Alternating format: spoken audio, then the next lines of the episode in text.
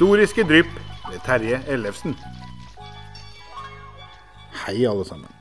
Denne gangen skal Terje fortelle om en danske som flyttet helt til Lillesand for å lage parykker for de lokale storkarene. Parykkmageren i Lillesand. En av tinga som skiller fortidens mennesker fra dagens, er hvordan folk kler seg. Og til og med i bitte lille Lillesand på 1700-tallet så fulgte man moden. Til å være et relativt lite strandsted med få innbyggere og hus, var det litt av hvert av folk som bodde i Lillesand på denne tiden. Eksempel bodde fogden i Nednes amt, Nils Skytte, i et lite hus der Sparebanken ligger i dag. I det nåværende rådhuset bodde justisråd og krigskommissær Kristoffer Falk, hvis nivø fikk den uekte sønnen Christian Lofthus. Og i det såkalte Ole Olsen-bygget bodde kjøpmann, reder og kaptein Thomas Stenersen. På gårdene rundt Lillesand bodde det bønder av forskjellig status, mange av de tilknytta tømmersalg og skipsfart.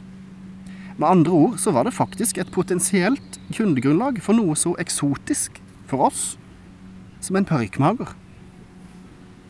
Rasmus Mathisen Bredal var en jysk parykkmager som i 1778 kjøpte et bolighus i Lillesand av den tidligere nevnte Thomas Stenersen. Om Bredal har bodd et annet sted i området tidligere, vet vi dessverre ingenting om. At han var dansk, var aldeles normalt. Det bodde mange dansker i Lillesand på 1700-tallet. De fleste av de kom, som Rasmus, fra Jylland. Huset Rasmus Bredal bodde i, eksisterer ikke lenger, men det lå vis-à-vis dagens rådhuspark.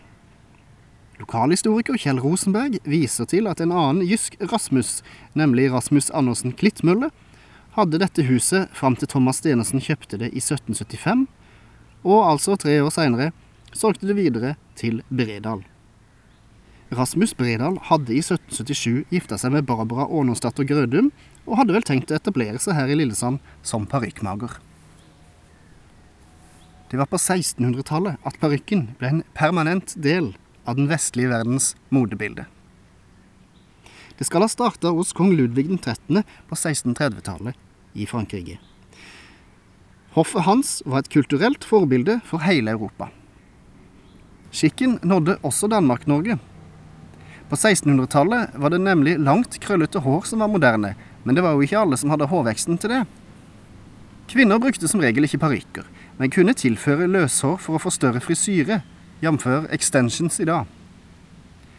Parykker ble helst lavt av menneskehår, men dyrehår ble faktisk òg brukt i billigere utgaver. Og sjøl om denne parykkskikken hadde sitt opphav i kongelige kretser, blir snart brukt i mange samfunnslag. På 1700-tallet var det vanlig å pudre parykken. Kloke hoder i statens sentraladministrasjon fant ut at dette kunne man skattlegge noe som medførte at parykk og pudder av økonomiske grunner ikke var tilgjengelig for alle. Tre riksdaler kosta skatten for en stor parykk i Norge i begynnelsen av århundret, og det er nokså mye penger på den tida. Selv om det var mange slags parykker i bruk, kan man grovt sett dele dem inn i barokkens store allongeparykker, etterfulgt av rokokkoens lette pungparykker. Mot slutten av 1700-tallet ble parykk sett på som håpløst umoderne, og gikk av bruk blant de fleste. Den franske revolusjon påvirka modebildet, siden det kunne være regelrett farlig å påføre seg kongelig og adelig mode der i landet. I tillegg hadde det i flere tiår blitt stadig mer populært å gå med mer praktiske plagg, påvirka av engelsk mode og antikke forbilder. Men i visse yrker holdt skikken seg lenger. Leger, prester og jurister, eksempel. Det finnes også eksempler på at eldre menn tviholdt på parykken langt ut på 1800-tallet, sjøl i Norge. I Storbritannia brukes for øvrig parykk fortsatt i rettssaker. Det kan virke litt sært for oss at det var utbredt blant menn å gå kledd i knebukser og strømper, sko med sølvspenner, lang vest, lang jakke, halsbind, parykk og trekanthatt. Men vi må huske på at det var mye kontakt med den store verden for kystnære samfunn som Lillesand. Med tanke på at så mange fremmede skip kom til våre havner og uthavner, og at så mange norske sjømenn dro utenlands, så er det bare naturlig at folk langs kysten kledde seg mer europeisk og tidsriktig enn de som bodde langt inn i landet. Tidlige avbildninger av norske folkedrakter, f.eks. tegninger til Johan Dreyer, har lite stoff her fra kysten. Og tidlige prospekter fra sørlandskysten viser at det er lav bunadsfaktor. Folk så for det meste ut som de kunne ha bodd i andre vestlige land. Ta eksempel Christian Lofthus, som regnes som en bonde, men som av historiker Gustav Sætra har blitt betegna som en utenbys borger pga. sin store aktivitet som reder, skipper og kjøpmann. Det gikk opp og ned med Lofthus sine finanser gjennom åra, men fogd Klaumann i Råbyggelaget beskrev ham slik i november 1786. Liden av statur, men meget dispos. Ikledd en blå valderskofte, parykk på hovedet, støvler på benene og en hirsfenger i hånden. Om Lofthus var bonde eller borger, parykk var noe man brukte om man hadde råd til det. Det var respektabelt. Både Kristiansand og Arendal hadde flere parykkmagere på 1700-tallet, og i 1711 er det registrert 88 parykker i sistnevnte by. Det var adskillig mer vanlig i tettbygde strøk. Kom man langt nok på landet, vakte det oppsikt å bruke parykk. Men å dømme bruken med dagens syn på mode er irrasjonelt og anakronistisk. Dessverre er det lite å finne om virksomheten til Rasmus Bredal. Vi kan spekulere i hvem som var kundene, men kundegrunnlaget var neppe stort. Parykkmager Bredal ble ikke lenge i Lillesand.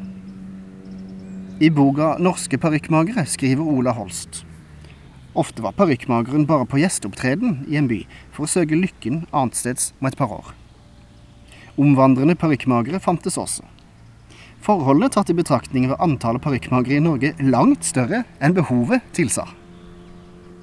Så også med Bredal. I 1782 solgte han huset i Lillesand og dro, og torsdag 24. januar finner vi Rasmus i Kristiansand. Denne dagen hadde han nemlig en annonse i avisa Kristiansands Ugebladet den avisa ble utgitt mellom 1780 og 88, og det var Kristiansands aller første avis.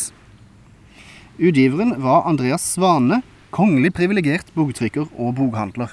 Og i annonsen, ja, der sto det følgende. Herved bekjentgjøres at jeg undertegnede akter her på stedet at oppvarte publiko, så vel mannfolk som fruentimer, med akkommodasjon. Likeså òg at forferdige og oppvarte at akkommodere parykker og fruentimerturer Likeså er jeg òg til tjeneste når forlanges at oppvarte gjestebuder over forefallende selskaper. Mitt losji er for nærværende hos madam Ravn, hvor enhver behagelig ville adressere seg. Rasmus Bredal. Er det noe som ofte går igjen i annonser i aviser fra 1700-tallet, så er det mangesysleri. Det kan virke som om mange brukte alle sine evner, uansett hvor forskjellige, for å tjene til livets opphold. Å drive med silhuettegning, fekteopplæring og hattemageri samtidig er ikke et utenkelig eksempel på en kombinasjon man kunne annonsere. Her ser vi at Bredal føyer oppvartning til sitt gamle yrke parykkmager. Men utover dette forsvinner han fra kildene. I borgerrullene for Kristiansand kan man finne flere Bredaler, men alle av de er fra før Rasmus sin tid. Ingen av disse Bredalene er heller nevnt som parykkmagere, og det er neppe samme slekt. Et søk i folketellinga for 1801 viser ingen Rasmus Mathisen Bredal eller Barbara Arnonsdatter Grødum på Agder. Kanskje dro de til Danmark? Kanskje var de døde? Den upopulære pudderskatten gjorde at parykken ble mer kostbar enn den burde. I 1789 sørga den franske revolusjonen for at de rike og mektige Frankrike gjorde alt for å kvitte seg med de gamle, potensielt livsfarlige kjennetegna på adelen parykker, knebukser og store broderte silkeplagg. Engelsk mode tok ledelsen. Frisyremoden lot seg inspirere av antikke romerske forbilder, og i tiåra rundt århundreskiftet forsvant parykken fra moden. Et raskt blikk på det kjente maleriet av eidsvollsmennene i 1814 viser dette veldig klart. Men eh, hva Rasmus Bredal fant på da, det vet vi dessverre ingenting om.